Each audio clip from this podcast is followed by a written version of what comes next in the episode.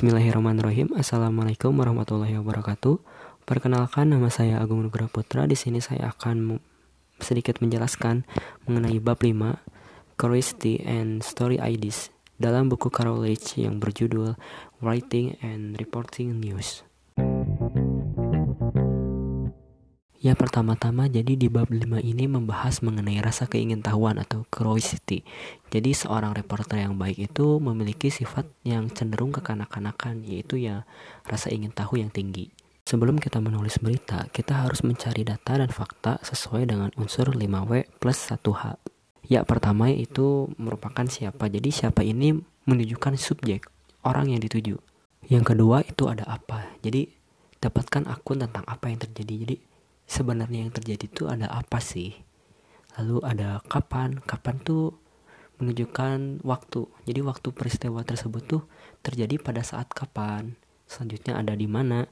Di mana itu lebih menitik beratkan kepada lokasi lokasi peristiwa tersebut. Lalu ada mengapa? Mengapa di sini kita dipaksa untuk memahami apa sih yang menyebabkan peristiwa tersebut? Dan terakhir yaitu ada bagaimana? Bagaimana ini kita dipaksa untuk mencari lebih banyak informasi tentang apa yang terjadi. Jadi bagaimana sih peristiwa tersebut itu dapat terjadi? Selain 5W1H di atas, ada beberapa lagi hal yang harus diperhatikan saat kita untuk akan menulis sebuah berita. Hal yang pertama harus diperhatikan adalah jadi apa? Apa dampak acara ini terhadap peserta? Apa dampak yang dimiliki pada para pembaca? Apa yang membuat cerita ini bernilai berita atau signifikan?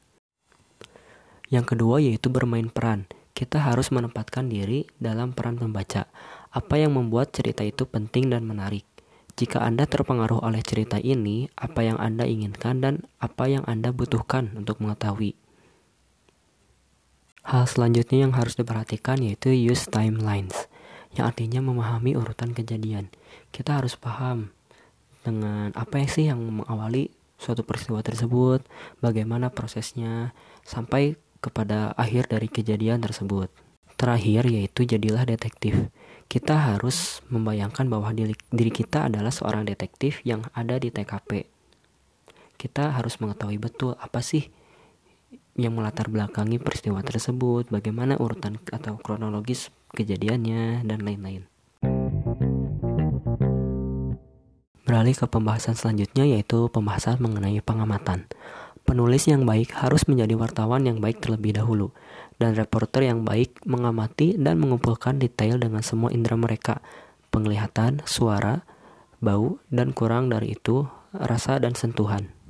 Selanjutnya, jika Anda ingin pembaca memvisualisasikan sumber atau agenda Anda, salah satu teknik terbaik adalah menunjukkan orang tersebut dalam aksi Teknik ini lebih umum digunakan dalam cerita figur dengan penulisan deskriptif, tapi itu juga bisa digunakan dalam berita-berita keras atau untuk petunjuk lembut pada sebuah berita. Apa pun jenis berita ceritanya, Anda membutuhkan keterampilan pengamatan yang baik.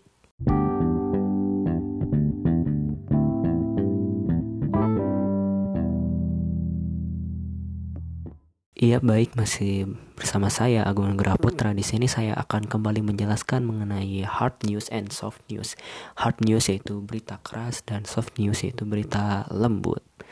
Jadi Anda perlu observasi yang baik untuk hard news dan future story.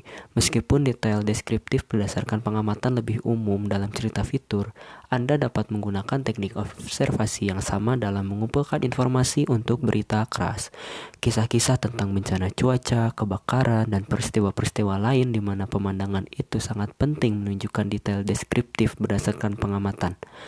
Pada suatu protes, Gunakan pengamatan untuk melaporkan tanda-tanda di bawah oleh para pemrotes dan apa yang mereka nyanyikan. Jika Anda melaporkan acara berita terbaru untuk televisi, jangan bergantung pada video untuk merekam pengamatan ini. Dalam setiap bencana, kebakaran atau kejadian serupa, reporter perlu menggambarkan tempat kejadian dan menjawab pertanyaan yang mungkin diajukan.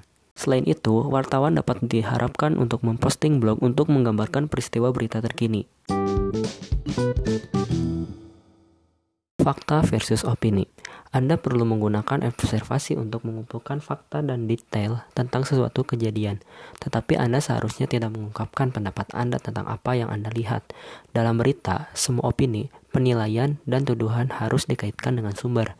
Di masa lalu, satu-satunya tempat untuk opini atau interpretasi wartawan ada di kolom di cerita yang dilabeli analisis atau cerita yang orang pertama, yang biasanya didahului oleh catatan editor.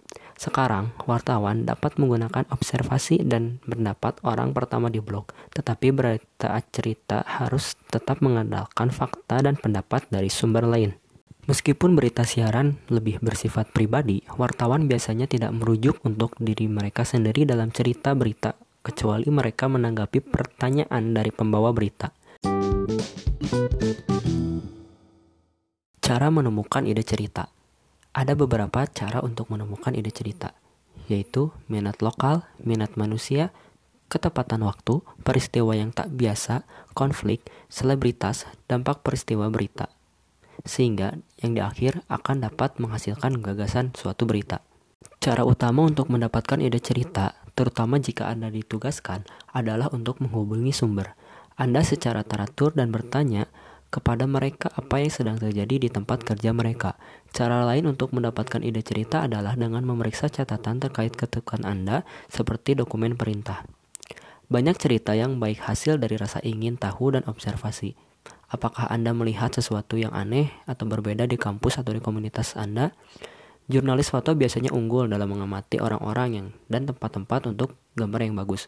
Ide untuk foto yang baik juga mungkin ide untuk cerita yang bagus. Ada beberapa saran lain untuk menemukan sebuah cerita. Yang pertama yaitu adalah brainstorm. Diskusikan ide untuk cerita dengan siswa lain dan dengan orang-orang di komunitas Anda. Apakah topik di kampus atau komunitas Anda itu menarik bagi orang-orang? Yang kedua, periksa basis data. Periksa basis data komputer dan cerita-cerita lain. Ketika Anda mulai bit atau cerita utama, Cek sumber dari sudut artikel sebelumnya tentang subjek dalam publikasi Anda sendiri. Yang ketiga yaitu memetakan topik. Pemetaan adalah bentuk brainstorming yang disarankan oleh peneliti yang telah mempelajari fungsi sisi kiri otak dan sisi kanan otak. Ini adalah proses asosiasi kata yang membantu Anda menjelajahi aspek yang berbeda dari topik yang menarik untuk pembaca Anda. Selanjutnya yaitu asumsikan pandangan lain. Teknik ini mirip dengan pemetaan. Ambil masalah dan bermain peran untuk menemukan bagaimana orang lain mungkin berpikir tentang hal itu. Lalu ada amati, lihatlah papan buletin di kampus atau di kantor pemerintah daerah. Lihatlah ke sekeliling kota Anda. Apakah ada toko atau bangunan baru yang layak diceritakan kepada pembaca? Lalu ada bicara dengan orang. Tanyakan kepada teman Anda apa yang membuat mereka tertarik menguping saat makan siang untuk mencari tahu apa yang orang bicarakan. Lalu, periksa direktori. Universitas dan banyak lembaga pemerintah memiliki direktori yang memuat daftar departemen dan personel. Di sana banyak terdapat sumber-sumber yang dapat dijadikan referensi kita dalam menemukan sebuah cerita. Selanjutnya yaitu baca koran lokal dan tonton stasiun berita TV lokal. Ini merupakan cara yang sangat simpel. Lalu ada juga dengan membaca iklan berbaris. Cari item yang tidak biasa, sebuah iklan di surat kabar kampus tentang layanan untuk memberikan makalah bisa membuat cerita investigasi yang baik. Lalu kita lihat berita nasional. Apakah ada kisah nasional yang dapat Anda terapkan di daerah Anda? Apa sudut lokalnya? Apa reaksi orang-orang di komunitas Anda? Dari sumber di web dan lain-lain.